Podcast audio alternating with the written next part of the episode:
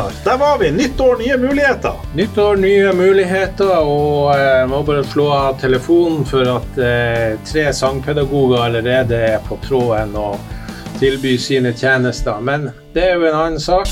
Eh, vi skal ikke disse mannen som eh, faktisk var på audition med Tungtvann i 1999 og nesten rakk fram. Men eh, hva skal vi eh, finne på i eh, dag, Marius? Ja, men altså, Nå har jo du fortalt meg, jeg har jo forberedt en vits her. Ah, ja. så bra. Ja, vet du, vet du hva, hva ord, ord, nei, kommunestyret i Andenes her heter? Eller kommunestyret på Andøya heter? Kommunestyret på Andøy, det må vel være um, Andeby. Nei, Andenes makt. Uh, den var Den var Den var Den var ikke verst. Det var pur kvalitet. Men eh, nok om det. Vi skal over til dommen. Og da eh, tenkte vi at det var du som skulle få lov til å begynne med dagens dom, Gunnar. Ja. Og så skal vi etter det så skal vi ha min dom, og så skal vi jo ha besøk av Jusshjelpa i, i dag. Jusshjelpa skal vi ha besøk av. Jusshjelpa er et eh, fantastisk tiltak som har betydd mye for landsdelen. Som er etablert av Det juridiske fakultet, og som vi er utrolig stolte av. Så eh, følg med, følg med. Her blir det mye morsomt. Det gjør det. Og eh, da er det på tide å begynne med min sak. Det er en eh, historisk sak. Eh, ikke bare er det en sak som eh, kommer fra Nord-Norge. Eh, den har passert gjennom Hålogaland lagmannsrett, som de som har fulgt litt med i media eh, i det siste tida, nå har et eh, tungt flertall av dommere som er utdanna ved Det juridiske fakultet med UiT. Saken min ble deretter anka inn for Høyesterett. Og når saken kommer for Høyesterett, hvem er da eh, førstvoterende i saken? Jo, det er dommer eh, Kine Steinsvik, den første høyesterettsdommer med sine papirer signert av dekanen på Det juridiske fakultet i Tromsø. Og hva er det her slags sak? Ja, En liten spent. applaus, det har vi allerede inkludert. Men hva er det her slags sak? Jo, det her er en sak, første saken for Høyesterett, som prinsipielt avklarer hva grensene for seksuell trakassering er. Hvor går grensen? Du, Gunnar, er vi nå på HR 2020 2476A? Ja, eh, så fint at du eh, følger litt med, du også. Det er korrekt referanse. Det, det var jo det var jo morsomt. Da vil jeg bare korrigere og si at i dagens Juss og Joss så skal vi ha én dom. Fordi at jeg har jo også forberedt denne samme dommen, og det er jo litt ut av moroa med Juss og Joss. Det er jo at vi sitter og forbereder oss på hver sin kant, og så kommer vi inn med en overraskelsesdom. Så dette blir et nybrottsarbeid. Det gjør det absolutt, men altså eh, Det her lå jo og blinka som en gullklump på bunnen av en bekk, så det er jo ikke rart at, eh, at vi begge fatta interesse. Ja, for det var det var jo interessant dom. Jeg mener, den, er jo, den er jo fra Nord-Norge, og den handler jo om, om seksuell trakassering og tafsing og grenser. Og den har jo også noen spørsmål om, om ulike moralske standarder, og den kommer med Mm. avklaringer. Det er rett og slett interessant. Det er liksom, Mm. hvor, hvor er metoo, og hvor kommer metoo herifra? Det er Mm. liksom det. Så hvordan skal vi gjøre det her? Skal du bare fortsette, og så skal jeg bryte Jeg inn tenker, underveis? jeg tenker at eh, jeg kan jo eh, gjøre rede for, eh, for faktum. Jeg kan jo litt om, om, om jussen, og du litt om moralen. Og jeg tenker det kommer til å, å gå, gå helt fint. Ja, det tror jeg òg. Ja, men da kjører vi i gang. Um, det her var ei jente da som i en alder av 18 år hadde begynt læretida si som eh, faktisk industrimekaniker på et eh, mekanisk eh, verksted i eh, en plass i eh, Nord-Norge. Dette mekaniske verkstedet gjorde forskjellige jobber, reparerte fiskebåter bl.a. Og eh, denne jenta her hadde jo tatt et utradisjonelt valg. Syns i hvert fall sånne passelig halvgamle mannfolk som meg, og litt mindre gamle mannfolk som deg, at, uh, at vi tar og hever øyenbrynene litt. 18 og jenter og industrimekaniker og sveising og ordentlig, ordentlig sånne saker. Men det var ikke så så artig å begynne å jobbe på det her mekaniske verkstedet på den lille plassen. Det var to kunder der eh, spesielt. Eh, den ene tok og jobba i et annet firma, hadde tidligere jobba i det samme firmaet. Og den andre kunden var en eh, fisker som hadde båten sin eh, inne der eh, på reparasjon. Og eh, de her to kan man si var litt over gjennomsnittlig interessert i, eh, i den eh, jenta. Og eh, han første karen, han tok og med ett tilfelle så Mens hun tok også satt på kne framoverbøyd og holdt på med et arbeid, så kom han på henne bakfra, og så tok han og eh, tok hendene sine inn under genseren hennes og la dem på, på ryggen. Og dette ble da eh, lagt til grunn, og jeg vil også innrømme av han at han hadde gjort, men han avviste at det var noe galt med det. Et annet tilfelle som han benekta Jeg syns jo det der er litt snærende corny. For det er litt sånn, jeg tenker at ja, ja, kunne benekte at det var noe galt med det, men hvis han nå stilte han spørsmålet Hvis det hadde vært en ung 18 år gammel mannlig industrimekanikerlærling, hadde han da gjort det?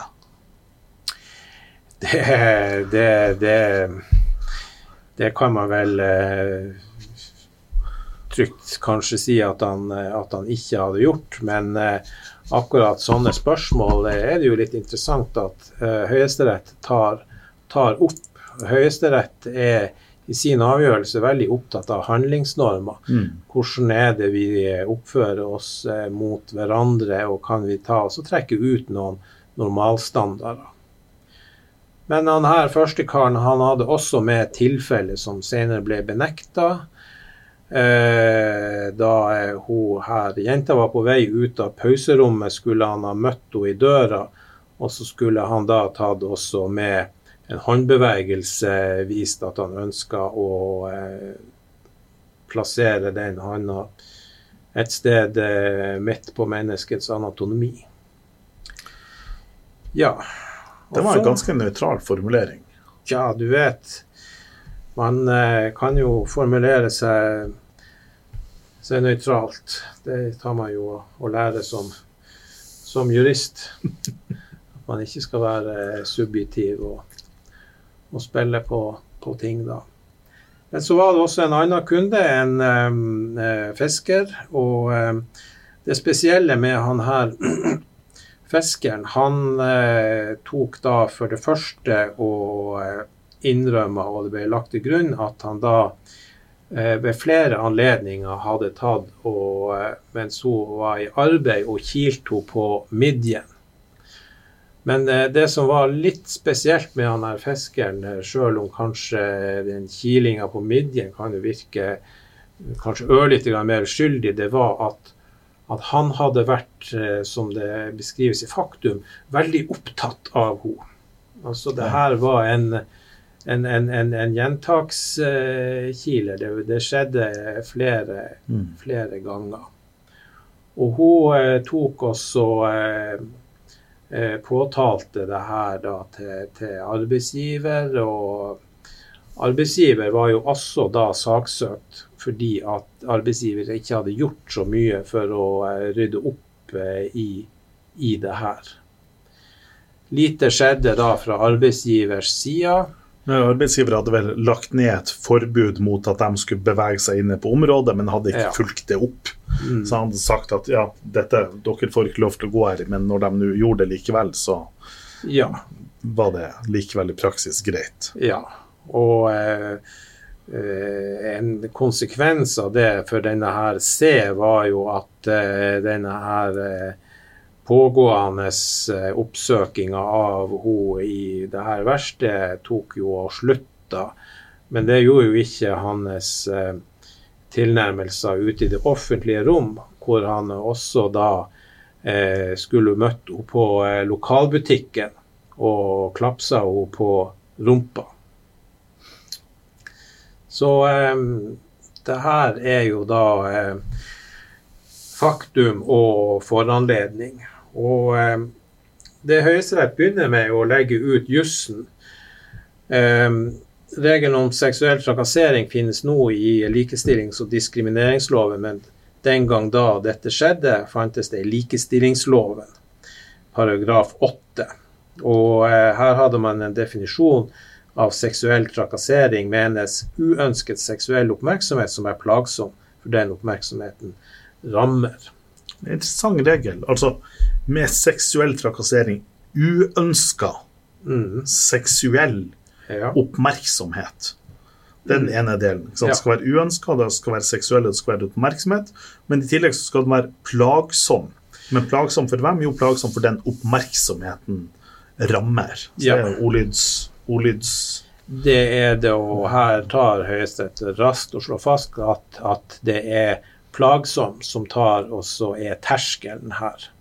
Ja. Slik at uh, uønska seksuell eh, oppmerksomhet kan uh, gå fri, så fremt at den ikke er plagsom. Ja, så det betyr at, det betyr at, at man kan så på en måte se for seg at, en, at, en, at en, en, person legger an på en annen person. Mm. Um, og gir den en seksuell oppmerksomhet uten at den er mm. invitert, og uten at, uten ja. at den er ønska. Ja. Men det vil ikke rammes av det. Det vil først rammes av det da den blir oppfatta som plagsom. Og for at det da skal være plagsom, så må det jo da noe mer til. Altså det må på en måte være Ja, det må være en kvalifisering der. Absolutt. Og eh, her, her, vil man jo eh, raskt kunne slå fast at eh, hvis, eh, hvis det her er gjentakende og hvis det er slik at eh, vedkommende som utsettes for det, gir klart uttrykk for at det her ikke er ønska, så vil man være i, i, nærheten. Men jeg vil jo også tro at eh, Kanskje ikke bare i nærheten. jeg tro at konteksten vil spille en, eh, ja. en, en, en stor eh, rolle her.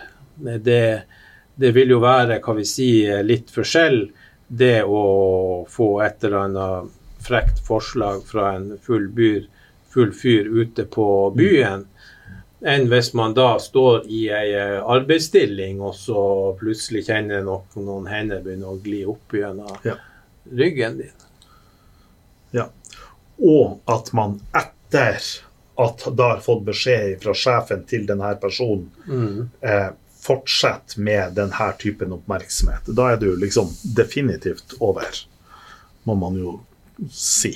Ja, man er, man er definitivt eh, over. Og eh, det er jo da eh, for denne her andre karen som drev midjekiling og rumpeklapping, han sto gitt i sånn litt særstilling fordi at han tok og, og, og var såpass eh, gjentakende.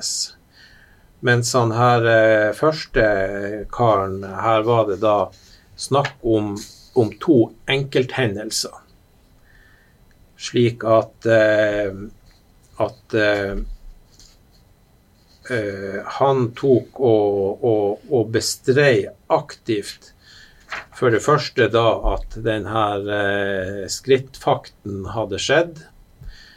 Uh, der sier Høyesterett at det, det, er han som er i trakasseringsposisjon, som har bevisbyrden for at det ikke har skjedd. Og så uh, Når det gjelder da, hva vi sier, den her ryggbefølinga, så tar Høyesterett og så går ganske djupt inn i, i, i forarbeidene.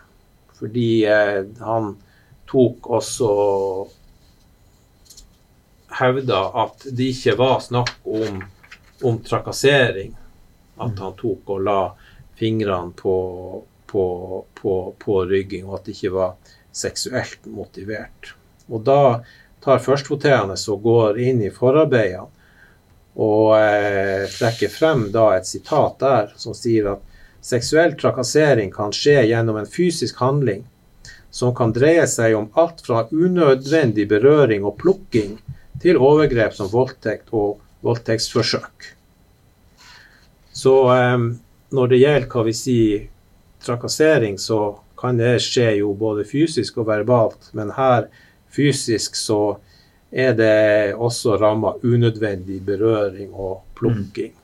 Og under subsumisjonen så går Høyesterett inn på at, eh, at han tok og oppsøkte da eh, bar hud på et intimt sted, og at eh, hun var i en da på en måte sårbar posisjon. Altså mm. Han kom på bakfra, og hun sto framoverbøyd, konsentrert mm. i et arbeid. Det er ganske det, det, må oppleves ganske ubehagelig.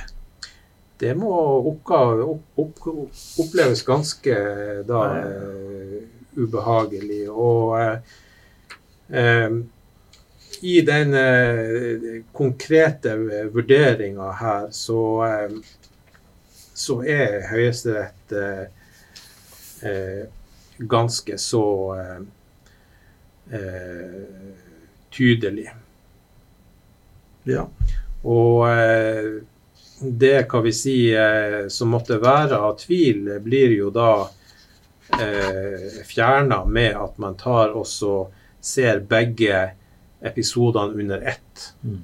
At hvis man kumulerer da eh, ryggepisoden, som Høyesterett kaller den, med eh, denne her eh, skrittepisoden, så må eh, det ta også inngå i ei, i ei eh, samla, samla vurdering. Ja. Eh, det, var jo også framme, bare en liten digresjon der, eh, spørsmålet om, altså, om, om det seksuelle i det her. Og da ble det trukket frem av forarbeidene at eh, handlinga trengte ikke å være motivert av seksuelt begjær yes. for å være seksuell trakassering. Ja. Og det, vel, og det, er vel, etter der man kommer inn på dette med kvinnenorm. Ja. ja. Og, det, og, det, tenker jeg er litt sånn interessant, for nå sitter vi jo her to gamle mannfolk mm. i studio, og så prater vi om seksuell trakassering ut av, ut av mm. jenter på, på 18 år. Det er klart, og det er jo litt sånn absurd, fordi at, fordi at jeg, jeg, må si at altså Nå er jo ikke jeg så kjekk som det du er, Gunnar, men, men jeg har ikke opplevd å blitt utsatt for så veldig mye seksuell trakassering i mitt liv. Altså jeg, mm, fordi, mm. at, fordi at jeg er mann, og, altså, så er det sånn at det på en måte jeg, jeg jeg lever i en annen verden. Jeg, jeg, har mm. andre inntrykk, jeg har andre opplevelser. Mm. Og, og, jeg, og, jeg, tenker at, at, de tilfellene hvor jeg skal oppleve noe som er i nærheten av seksuell trakassering i løpet av mitt, hele mitt liv, mm. er nok sannsynligvis færre tilfeller enn det min, min, gjennomsnittlige kvinnelige kollega har opplevd i løpet av det siste året. Mm. Ja. Uh, uten, at, uten, at, uten ja. at, vi skal legge vekt på kollega her, altså en gjennomsnittlig kvinne. liksom. Ja, ja, nei, det, det, det er jo ei kraftig eh, skjevhet i, i, i, i fordelinga der. Og eh, jeg tror nok at vi må være sånn ganske tydelige på at eh, at hadde kanskje frekvensen av slike hendelser mot menn vært større, så ville det nok vært opplevd eh, like, like, like plagsomt. Og, eh, og eh, som du tok også, også, nevnte her, så tar jo eh, Kine Steinsvik også jeg trekker også fram at det er i vurderinga av det her For det er jo da um, slik at i byretten, eller tingrettens førstebehandling så ble han her B frikjent. Mm. Så jeg mente at litt sånn fingre på ryggen, det, det må jo bare Så lenge det ikke var kald, så måtte det bare være artig. Ja, ikke sant. Så eh, da trekker hun jo da fram det her med at, at eh, for å vurdere om grensa er overskredet, skal man legge, anlegge en, en kvinnenorm. Yes. Jeg, kan, jeg, kan, lese det avsnittet. Ja, det. Det, det fremheves altså her på den ene siden at vurdering av hva som er plagsomt, er objektiv. Men og at det i så måte må, skal ses hen til en kvinnenorm. Departementets begrunnelse for en slik norm er i proposisjonen forankret i at kvinner i all hovedsak oppfatter langt flere situasjoner som seksuell trakassering enn menn, samt at det er basert på forskning på feltet vil være flere kvinner enn menn som rapporterer om seksuell trakassering. Hva som konkret ligger i en sånn norm kan være noe uklart, men overordna forstår jeg sånn at siktemålet å gi dem som utsettes for seksuell oppmerksomhet, et tilstrekkelig effektivt vern i lys av lovens formål om å hindre seksuell trakassering. Og dermed, og dermed, så er det da sånn at, at som, du, som, du, da sier, altså poenget er ikke er det sånn at mannen mente dette er liksom ikke har mannen et forsett om å utsette kvinner for seksuell trakassering. Det er ikke det som på en måte er det relevante. Det relevante det er hva er det hun eh, ikke, Og ikke nødvendigvis rent faktisk opplever, men hva er det en kvinne i hennes situasjon vil oppfatte og oppleve dette som. Mm. Det er sånn at Du, du, du på en måte har en, liksom en objektivisering, men objektiviseringa på den er ikke ut ifra den som gjør handlinga, men ut ifra den som blir utsatt for handlinga. Og det, og det, er klart at det her er jo en litt sånn den, den stiller noen krav til oss som menn. Altså at vi, mm. at jeg som mann, når jeg gjør ei handling overfor ei jente, så er jeg nødt til å stoppe meg opp og så er jeg nødt til å tenke meg om hvordan vil hun oppleve det her? Absolutt. Og eh, det trekkes også fram av eh, førstvoterende Steinsvik her at eh, man da, hva vi si, som eh, som den annen part skal gjøre seg slike vurderinger. og Der trekker man fram en god gammel rettsfigur, altså denne bonuspater familias-figuren, og stiller seg spørsmålet hva ville en alminnelig, fornuftig person tenkt i tilsvarende situasjon? Det er, et, eh, er en, en, viktig norm. En annen ting som eh, også trekkes eh, eh, fram her, eh, det er jo også det der med at man, eh, at man har man har skjevhet, altså i, i, makt- og autoritetsforhold. Og det er jo særlig det der den som blir utsatt for slik trakassering, da skulle føle at vedkommende stiller seg sjøl i en uh, utsatt posisjon med å si fra om det her. Som er, er, er veldig eh, eh, eh, Veldig kritisk. Men jeg må si at, jeg må si at det her, jeg synes det her er på en måte en veldig viktig dom. fordi at den kommer inn og den setter noen ting på plass. Den rydder opp i det. Og den, og den klargjør noen normer. Og jeg tenker at, jeg tenker at for, for, mine, for, mine, døtre så tenker jeg at ja, jeg, jeg, vil at de skal vokse opp i en verden der de normene fra denne dommen er gjeldende. Og så tenker jeg at for, og for min sønn så tenker jeg at ja, så betyr det at for hans del så betyr det at, at han er nødt til å stille seg noen tanker før han gjør de her handlingene. Men så mm. samtidig så tenker jeg at for, for den mannen som fordi Det er liksom en av den innvendingene i forhold til metoo-bevegelsen, i forhold til når de her spørsmålene blir satt på spissen, så er det på en måte noen som da sier at jo, men skal ikke jeg som mann skal ikke jeg få lov til å legge an på dame? Skal ikke jeg få lov til? Skal ikke jeg få lov til? Og det, og det er klart at, at det her med, et, med en, en, utvikling av et forhold, en flørting, den utvikles jo. Det skjer jo i en spenning. Og, du, og de her elementene som beskrives her, at man på en måte kan kile noen på sida, det at man kan ta noen på ryggen. Alle de her elementene kan oppfattes som en del ut av en flørting.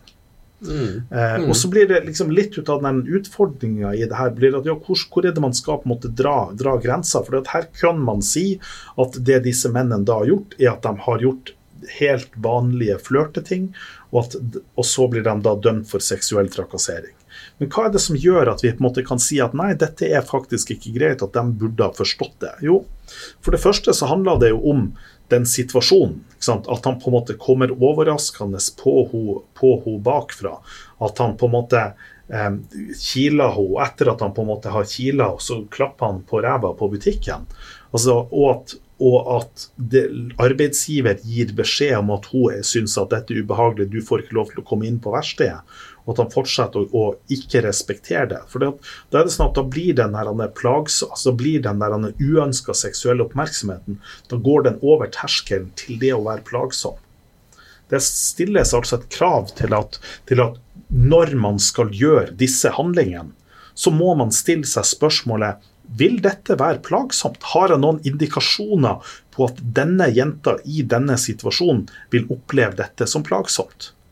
Så Det betyr at ja, da kan man på en måte i den flørtesituasjonen så kan man strekke fram handa og legge handa på låret hennes hvis man ikke har noen signaler på at det er plagsomt. Det øyeblikket, Hvis man har noen signaler på at det er plagsomt, så kan man ikke gjøre det. Og hvis man ikke har fått de signalene, handa blir, eh, det skjer en markering på et eller annet vis, ja, så skal du ikke ut med den handa en gang til. Var det en oppsummering av flørtereglene? Det, det, ble mye, mye, mye hender her, eh, Marius, men eh, ja, det... jeg tror jo at jeg tror jo at eh, det her er jo eh, Det her vil jo ikke bety på, slutten på, på, på menneskeslekta. Det, eh, det, er jo, det, er jo, mange som, som reagerer på, på, det her og sier at det har gått for langt. det her, eh, her kan man jo ikke snart se på hverandre, ikke gjøre noen verdens ting, men eh, egentlig så tror jeg bare det at eh, det handler om å få på plass noen eh, greie kjøreregler og oppføre seg som folk. Yes. Og med det så går vi over til dagens Og eh, i dag så har vi med oss eh, to eh, flotte gjester. Som vanlig er vi digitale når vi har gjester, for at ikke vi skal fylle opp studioet her og bryte smittevernreglene, som vi er svært eh, nøye på å, å følge, selv om det har falt noen kritiske ord om dem i dette studioet. I dag Marius, har vi med oss eh, daglige ledere på Jusshjelpa, Eirin Wilhelmsen og hun Ingvild Svenke Jensen. Og eh, jeg er jo personlig veldig glad for å at vi har Jusshjelpa med oss i dag. Eh, vi eh, har jo Jusshjelpa som kanskje et av de fineste barna som Det juridiske fakultet har født. Hva er ditt forhold til Jusshjelpa, Marius? Ja, nei, altså, det er jo et langt og bittert forhold. Det begynte jo med at jeg søkte på jobb på Jusshjelpa i løpet av jusstudiet og fikk jo ikke jobben.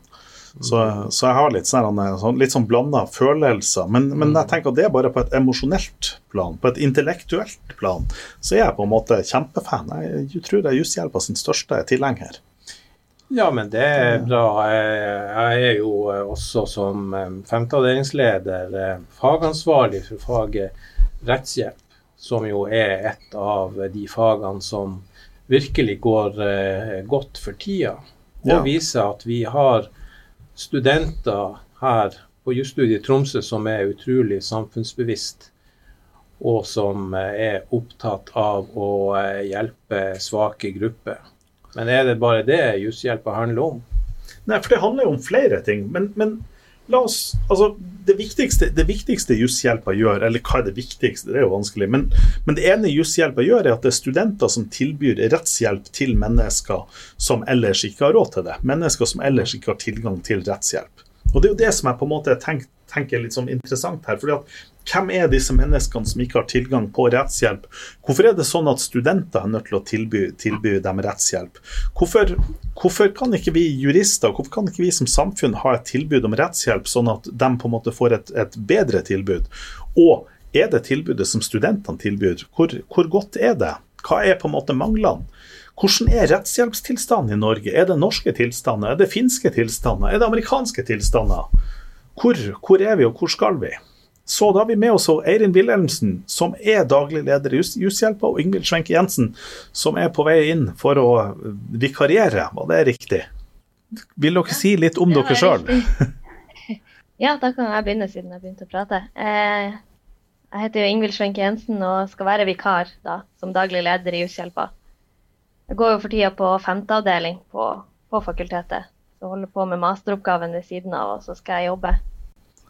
Jobbe litt over et år nå på Jushjelpa i, i Eirin sin, sitt sete. Ja. Og hva er det du gjør på Jushjelpa? Eller det vet du jo kanskje ikke enda. Nei, kanskje Eirin har bedre oversikt over det sånn eh, per nå. Men eh, som daglig leder så, så, er det jo å holde, holde styr på ja, de, de, det administrative her nede på kontoret. Ja. Men hvorfor har vi ei jusshjelp? Ja, det har vi jo fordi eh, det er behov for eh, å, å kunne yte rettshjelp til eh, den, den gruppa mennesker som, som, ikke har råd til, til å betale for, for advokathjelp, men som, eh, som, faller utenfor den, eller har, har for høye inntekter for å komme inn under den fri rettshjelpsordninga som vi har. Og hvem er det som har for høy inntekt til å falle utenfor fri rettshjelpordninga, men som likevel ikke har råd til å eh, betale for advokathjelp? Det er, det er, mange, det. Men det er de som tjener over 246 000 i året, og som da ja, vanskelig å sette en grense på advokathjelp, men som ikke har råd til det. Mellomsjiktet der, da. Ja. Mm. 246 000, det er, det er jo eh, ganske lav, eh, lav inntekt. og eh, Eirin, du som nå har holdt på noen år, eh, har du sett en stigende eller minkende tendens i søkinga til, til, til jusshjelpa, altså av folk som, som ikke får rettshjelp av det offentlige? Nei, tilfanget, tilfanget av sakene hos oss har jo vært stabilt og eh, litt for høyt, i hvert fall hvis man tar utgangspunkt i at en sak er en sak for mye, da. Mm. Eh, men det vi ser med, med rettshjelpsloven, er jo at eh, inntektsgrensa der har jo stått stille. Den hører jo til i steinalderen. sånn at i dag er vi jo kommet dit at det er jo et nåløye å komme inn under eh, fri rettshjelpsordninga som mm. dekkes av det offentlige. For nå er det verken minstepensjonister eller uh, unge uføre har krav på fri rettshjelp etter dagens inntektsgrense. De tjener rett og slett for mye. Uh, og så ser vi også det at uh, selv om de tjener for mye, da er de så heldige at de har ei, ei relativt feit inntekt på 300 000 i året, så, så ramler de jo utafor. Ja. Og 300 000 er ikke så mye å leve for i, i Norge i dag. I hvert fall ikke hvis du er aleneforsørger og, og har gjeld. Um, og har du noe da under denne inntektsgrensa, hvis du først har en sak som er omfattet av, av loven for fri rettshjelp, så står ofte advokatene fritt til å avvise klientene etter den ordninga sånn som den fungerer i dag, alt etter hvor attraktive de her sakene er. For vi har jo en en stykkpris og, og denne måten de regner ut eh, hvor mye rettshjelp som skal gis ut fra hva slags sak det er, som gjør at det rett og slett ikke lønner seg for advokatene å ta saken. Og da kan du fort bli stående på gata uten rettshjelp, selv om du kvalifiserer for det etter loven. Og og da må vi òg kanskje på banen fra veldedighetens rike og, og, ta saken. Og det er jo noe som ikke er rett på det viset. Men la oss, la oss ta de inntektsgrensene først. I, I, 2001 så var jeg fast ansatt som lagerslask på Elkjøp. Da hadde jeg full stilling som det, og da hadde jeg 15 000 blanke eh, før skatt utbetalt i måneden. Eh, Ca. 10 000 eh, etter skatt for en fulltidsansatt i stilling uten, uten, fast, altså uten utdanning eller noe sånt. Og Det er klart at det utgjør da en årsinntekt på 180 000. Og Det betyr at jeg i den faste stillinga i 2001, så ville, ville, jeg da hatt krav på fri rettshjelp. Fordi at den rettshjelpsjusteringa den er jo da omtrent stått stille siden da. Mens hvis du da sammenligner til i dag, så er det sånn at et, hvis man da jobber på, på, i fiskeri, altså jobber etter en minstelønn i fiskeribransjen, så har man da en, en månedslønn på 187 000, og da er du på en årslønn på 337 000. Eh, og det betyr, at, det betyr, at, de har da altså nesten dobla den, den, den årslønna fra da. Sånn at I den personen med den samme typen inntekt, så har man da dobla inntekten. Men så gjør konsumprisindeksen og utviklinga i bolig at, at, de har jo vanligvis ikke noe bedre råd. Så det betyr, at, det betyr at der jeg ville hatt krav på fri rettshjelp for 20 år siden, så ville mitt barn i den samme økonomiske situasjonen i dag ikke hatt tilgang på fri rettshjelp. Har dere inntrykk av at dette er en bevisst ønske fra politikerne? Nei, jeg tror det på et eller annet tidspunkt har bremsa opp og parkert fullstendig. Eh, og et, det er vel ikke bevisst aktiv handling fra politikerne å holde denne her uh, utviklinga eh, på ei armlengdes avstand, men de har jo heller ikke vist vilje til å ta grep om det og plassere pengene på det her feltet. Ja. Eh, problemet er jo at, at rettshjelp ikke har vært et tema i utviklinga av velferdsstaten vår. Så det slipper langt etter den generelle utviklinga. Og eh, behovet for rettshjelp har jo økt eh, enormt eh, i forholdet mellom den enkelte og de offentlige myndighetene. Nemlig. Så det har jo vært oppe til høring i to eller tre runder tidligere med ganske omfattende forarbeider å få på plass en ny rettshjelpslov. da. og nå er vi jo kanskje nærmere enn noen gang eh, med det forslaget om ny rettshjelpslov som ligger ute. Det er i hvert fall en av de få mulighetene hittil hvor vi kanskje kan komme oss et steg videre. Eh, Men. Så, eh, så, vi har jo virkelig et håp nå. Hos Jushjelpa så er vi jo både glad og frustrert og veldig spent. Vi er jo glad for at det endelig skjer noe. Og så er vi jo frustrert over den manglende politiske viljen til å ivareta rettssikkerhet som et velferdsgode i Norge. Og så er vi jo samtidig veldig spent og håpefulle for at vi, vi vil så inderlig at nå, nå, må det her bli satt i verk, sånn at vi kan få en ny rettshjelpslov. Ja. Men det er klart, og det her er jo, jeg tenker at, at det her henger jo sammen med veldig mye. for Noe av det her henger jo sammen med, med moralske spørsmål. Og, og, Siden dere jo har eh, jurister, og sånn her, så har dere jo selvfølgelig tatt X-Fil og lest deres Nietzsche. Og det om, om det er Nietzsche sine formuleringer om slavemoral og herremoral. Og det, og det Nietzsche da prater om her, drar jeg det for langt, Gunnar? Nei, ja, Gunnar sier at jeg kan fortsette. Et, et, et, av Nietzsche sine poenger det er at man gir en slavemoral så er det på en måte for den fattige, for de, den mennesket av befolkninga som er undertrykt. Eh, at man på en måte tar utgangspunkt i en moral for dem som på en måte ønsker en rettferdighet, som ønsker en likhet, som ønsker det man kanskje altså i, i, Bibelen sin tid Man prater om at, Jesus på en måte var, et, var en slavemoral. Men så kan du også si at, det, at, sosialdemokratiet er på en måte en slavemoral. Arbeid for alle, likhet for alle, like muligheter for alle. Men så har du på en måte den andre sida, det er jo det man kaller en herremoral eller en mestermoral ut av, av oversettelsen. Og Da sier man på en måte at den moralen på en måte handler om at, om at man gjør seg fortjent til ting. At Når man på en måte står på toppen av et samfunn, så må man på en måte gjøre seg fortjent til det. Og hvis man på en måte ikke har gjort det godt nok, så er det sånn at, at man skal på en måte belønnes for sin gode innsats, for sine gode egenskaper. Og så har jeg på en måte tenkt at ja, er, det, dette på en måte et uttrykk for en politisk forskyvning? At de moralske forholdene i samfunnet har endra seg? At man har utvikla rettshjelpsloven, så var man på en måte en slavemoralforståelse, et større sosialdemokrati hvor man på en måte i større grad bryr seg om menneskene, om en større grad enn likhet. Mens i dag blir samfunnet spredt større ut altså økonomien blir mer bredt, og hvor man på en måte hver person er god nok for seg sjøl, hvor man endrer over til en slags herremoralvurdering. Um, hva dere tenker om det? Hva dere tenker om Nietzsche her?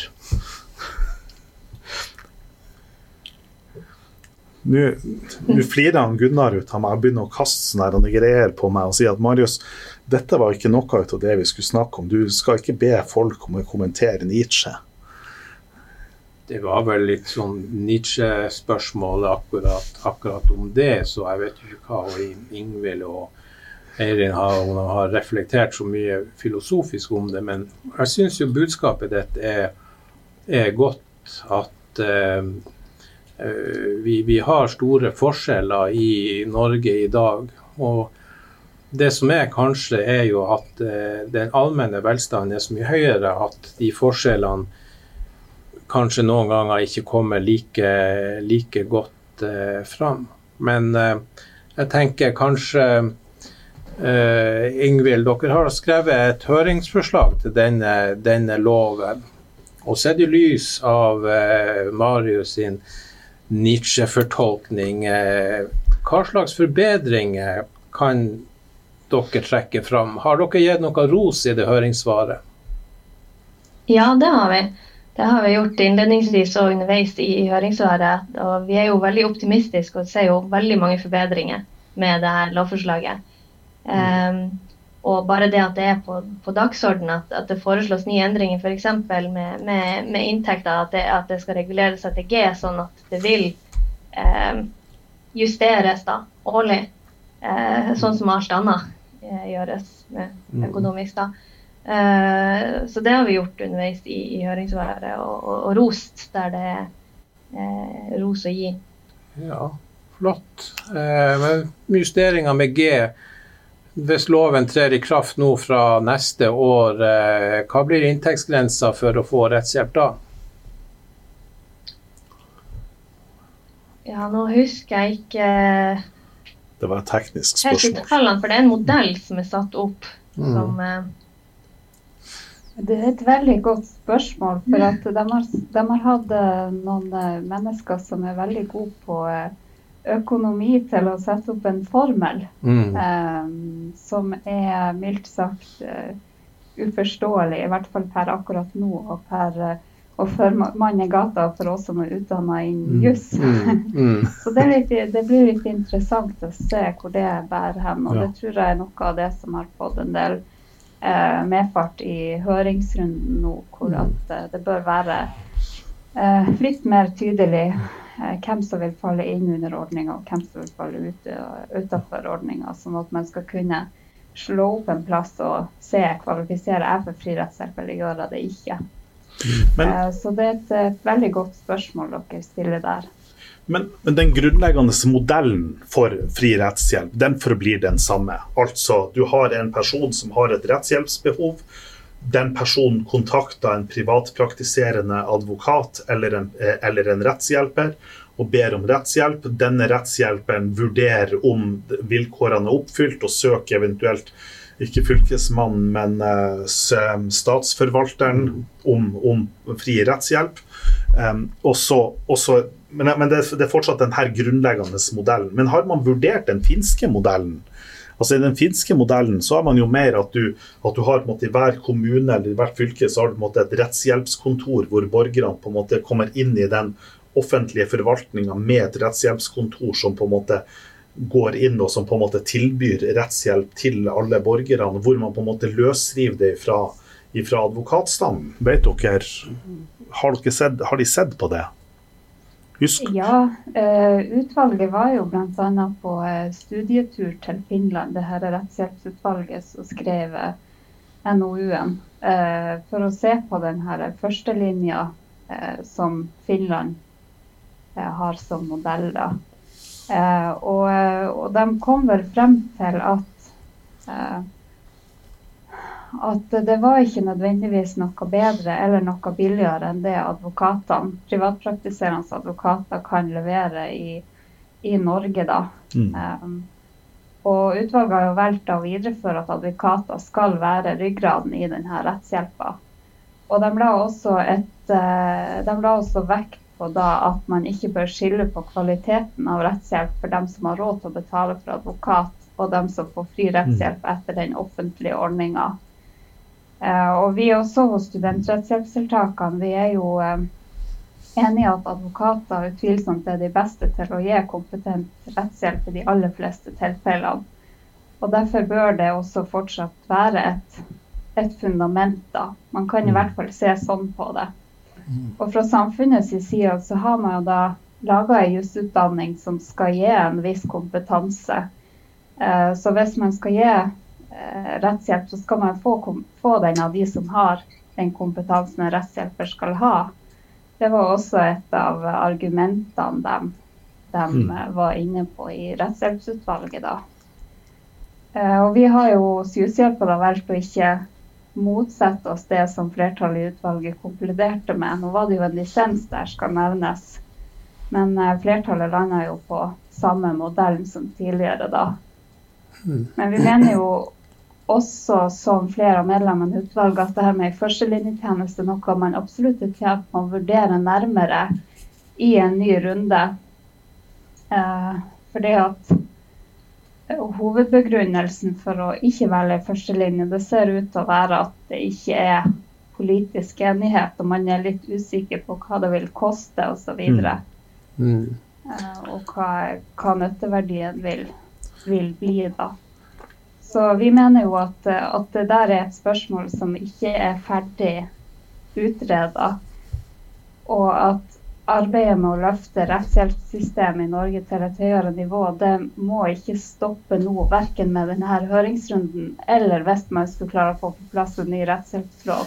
Mm. Så det er helt klart eh, eh, har vært et stort spørsmål det her med leveringsapparatet og hvordan mm. modell man skulle legge seg på mm. eh, og ende opp med i det her lovforslaget. Så det er veldig spennende. Mm. Og de kunne endt opp med, med, både det ene og det andre, men nå er det jo advokatmodellen som er ja. videreført. da. Men jeg lurte på, i, i, når man da viderefører den advokatmodellen for at i Innledningsvis så pratet du, at det var to, du om at det var to hovedproblemer med dagens ordning. Den ene pro problemet var at det var veldig få som hadde tilgang på den ordninga. Men det andre du peka på, det var det, at, var det at når man på en måte hadde tilgang på ordninga, så var det mange som da ville likevel ikke få tilgang på det fordi at advokaten vil mene at det er for dårlig betalt. Er det en problemstilling man nå tar tak i? Er det Ja, det er det. Og det er jo den, en av de hete potetene i rommet var vel både salærsatsen og det her stykkprisen. Eh, nå er jo det et felt som vi hos Hushjelpa ikke har eh, så god greie på. for vi jobber jo gratis og og si, får heller ikke inntekter fra klientene våre. Så det er jo en problemstilling vi er litt forskåna ifra. Og kanskje ikke kan si så mye fornuftig mm. om heller, da. Ja. Mm. Men um, jeg tenker jo at uh, hvis det hadde vært politisk vilje, så kunne jo Jusshjelp ha vært omdanna til et offentlig rettshjelpskontor, og dagens studentmedarbeidere kunne ha vært fasa inn som, uh, som traineer mm. i et slikt system. Vi har jo allerede f.eks. For Forbrukerrådet er jo et slags offentlig mm. rettshjelpskontor ja. på sett og, og vis. Så eh, hvorfor skal, hvorfor skal man tilby nærmest rettshjelpsordninger da til altså forbrukere som presumptivt er mennesker med både penger og makt, mm. og ikke til de svakeste i samfunnet. Mm.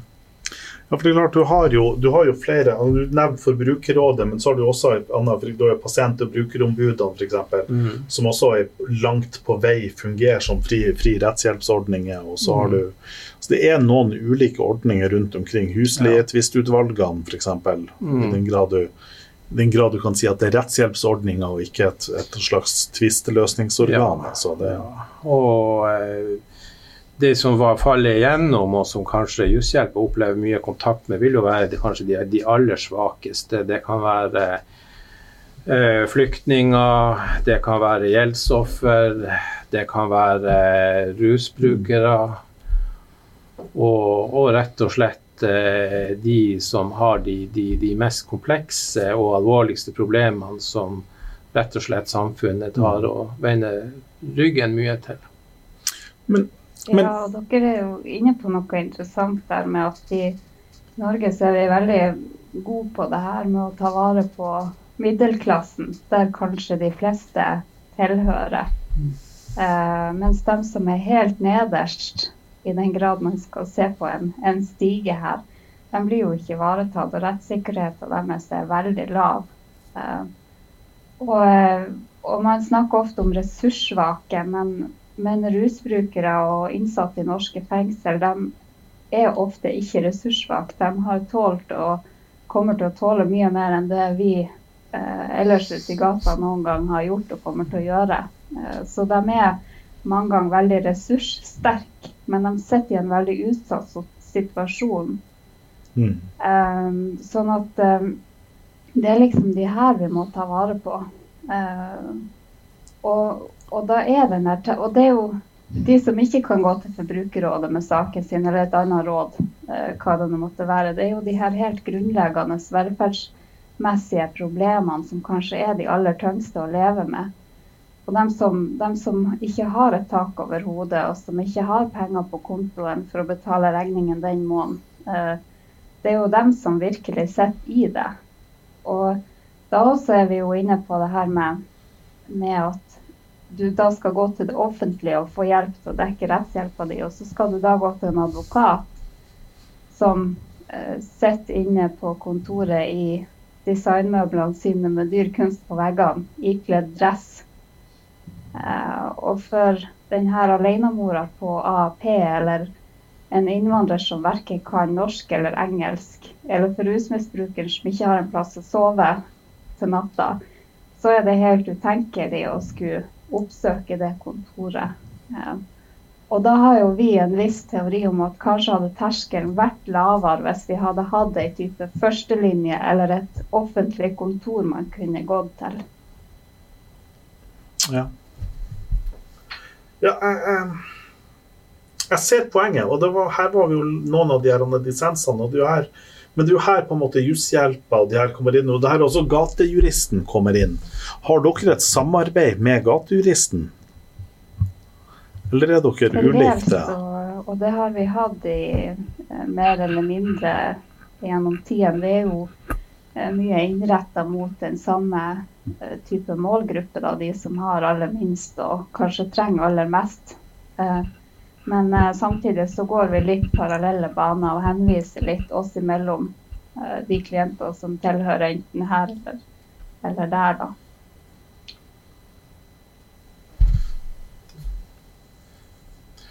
Ja, hvor vi skal gå her, herifra, Gunnar? Skal vi begynne å ro det her i land på, på det her, eller hvor vi, hva du tenker ja, du er jo den som har mest erfaring med roing, så eh, Så du tok jo og hadde tre punkter på lista di. Jeg greier å huske at vi har vært gjennom to. Altså Vi har snakka om fri rettshjelp og den nyere rettshjelps, altså forslag til rettshjelpsloven. Mm. Og så har vi snakka litt om jushjelpa. Det var de tre hovedpunktene jeg har på lista. Ja. Det. Men da tror, jeg vi skal, jeg vi skal ta oss og slenge opp spåkula. Ja, det er akkurat det jeg også tenkte på. For da tenker jeg liksom at hva, hva, Når dere da ser inn i spåkula, dere ser inn i framtida, hvordan, hvordan, er, er utviklinga på disse områdene framover? Hva er jusshjelpa sin rolle? Hva har skjedd med fri rettshjelp? Um, hva har skjedd med rettshjelpsloven? Hvordan, hvordan er utviklinga for de gruppene som, trenger, som har det største udekka rettshjelpsbehovet? Framover. Og Da begynner vi med Eirin, og så er det Ingvild sin tur etterpå. Ja, um, da vil jeg jo igjen si at det som kan komme ut av dagens forslag til ny rettshjelpslov, det er jo et steg eh, på veien. Men det er jo viktig at dette blir en større reform, og at det ikke stopper her. Uh, for, for det at det som ligger på bordet nå, det er veldig bra, men det er jo langt ifra nok. Um, så her begynner vi også å renne litt tom for tid når det gjelder i det politiske landskapet. For uh, nå har det vært en høringsrunde, og vi er avhengig av at departementet følger det opp. Uh, og hvis det her går etter det gamle handlemønsteret med de tidligere høringene som har vært, så gjør det jo ikke det. Um, så vi må ha det her fort opp og frem, og så må uh, vi få det gjennomført helst før valget. Um, for det er jo valg til høsten, og nye regjeringer er jo som kjent lite begeistra for å overta tidligere regjeringer sine lovutkast. Sånn at uh, vi får nå inderlig håpe at det enten, enten skjer så fort at loven kommer på plass, uh, eller at at uh, den nye regjeringa ser uh, det gode arbeidet som er gjort, og kan følge opp det her. Uh, så, så, vi heier på en ny rettshjelpslov. selv om det som forslaget som ligger der i dag er langt ifra godt nok, så er det i hvert fall et helt nødvendig og greit steg i, i riktig retning, da. Men, men tenker du at hvis, hvis regjeringa da ikke får fingeren ut For det er klart, vi vil jo vite til sommeren om det her på en måte om det skjer noe med det her. Og det er klart at Vil man på en måte få mulighet til å få det her inn som en del av valgkampen, vil man da på en måte kun få det her lagt fram på å si at her har, her har dagens regjering hatt en utredning på det, de har fått utredninga inn. De har hatt muligheten til å gjøre innspill på det, de har muligheten til å forbedre noe, men har eventuelt valgt å ikke forbedre det. Valgt å ikke mm. gjøre de her tiltakene. Tenker dere at det kan være lykkes med å få det opp på bordet til valgkampen, eller? Det er jo vanskelig å prate opp og frem Eh, rettshjelp. Og jeg kan ikke forstå fra min stol hvorfor rettshjelp som et velferdsgode er så underprioritert i den norske staten. Eh, så det som er viktig, er jo at alle som bryr seg om rettshjelp og brenner for rettshjelp, står på nå fremover og tar tak i den lokale politikeren. Og også snakker med de som har eh, en finger med i spillet i de høyere makter, si, og, og og setter det på dagsordenen og holder det varmt. Mm. Eh, for det bør være en del av valgkampen, men jeg føler meg jo utrygg på om det kommer til å bli det. Enn du Ingvild, når du får slengt spåkula framfor deg, kaster du jo veggen og knuser eller hva du, hva du ser? Nei, vi må jo si at vi er håpefulle, men, men jeg må jo ja, støtte meg. Jeg er enig i, alt det Eirin sier. Det er, det er veldig vanskelig å spå. og det er vanskelig å si om det her kommer til å være på dagsordenen til valget, når det er så mye annet som, som påvirker samfunnet for tida, og kanskje engasjerer folk på, på tross av, av eh, ja, landegrenser eller bygrenser og, og fylkegrenser. Så eh, jeg klarer ikke helt å se for meg at det her kommer til å komme høyt opp, men jeg håper jo virkelig det for, eh, for alle sin del. Og spesielt siden ja, man har litt dårlig tid nå, i og med at den, det er valg i år. og ja. Så da får vi komme med en avsluttende oppfordring til våre lyttere. Det er mm. valg. Snakk med din politiker og se om vi klarer å få gjort noe med rettshjelpsloven. Det tror jeg er noe som eh, alle samfunnsbevisste jurister og alle samfunnsbevisste jusstudenter eh, burde ta oss og ha langt framme i eh, pannebrasken. Så de som kjenner en politiker, ta og snakk. Snakk med han eller hun. Og med det så sier vi takk for dagens Jus og Joss. Takk til Eirin Wilhelmsen, takk til Ingvild Schwenke Jensen, takk til Gunnar Eriksen, takk til vår fantastiske tekniker Per Frank Hansen, og vi høres neste gang.